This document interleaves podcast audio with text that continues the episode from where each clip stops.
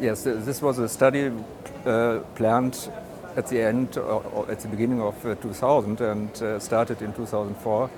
It had uh, results in uh, 2010, and uh, the main question was how to improve the results for patients with mantle cell lymphoma in elderly patients.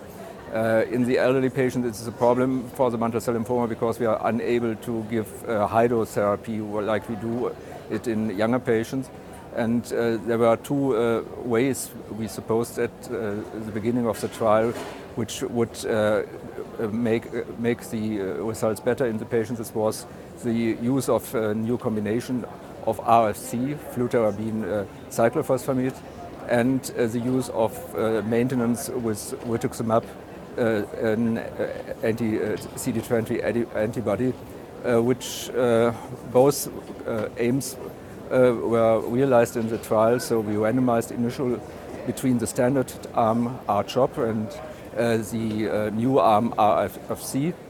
Uh, and uh, after, for the uh, patients who responded to the treatment, randomization was done between a standard interferon maintenance and uh, maintenance with uh, rituximab. In 2010, we had the first results. They were published in 2012. Uh, the interesting was we were not able to improve the um, results for, with the initial treatment.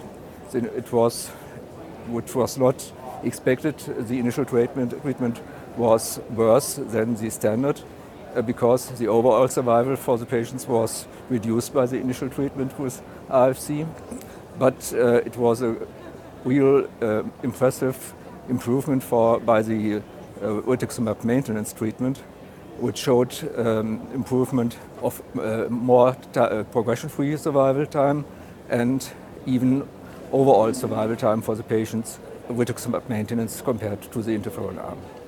And now in this uh, abstract we have given the results with an improved um, um, follow-up we have a follow-up of uh, median follow-up of 6.5 years for all patients, and the results were confirmed. We could uh, see the problems of the initial treatment were the problems of uh, too high toxicity for the elderly patients, and uh, we could even confirm that there was a clear improvement in overall survival for these elderly patients, which is for the best group in this, this trial just about nine years.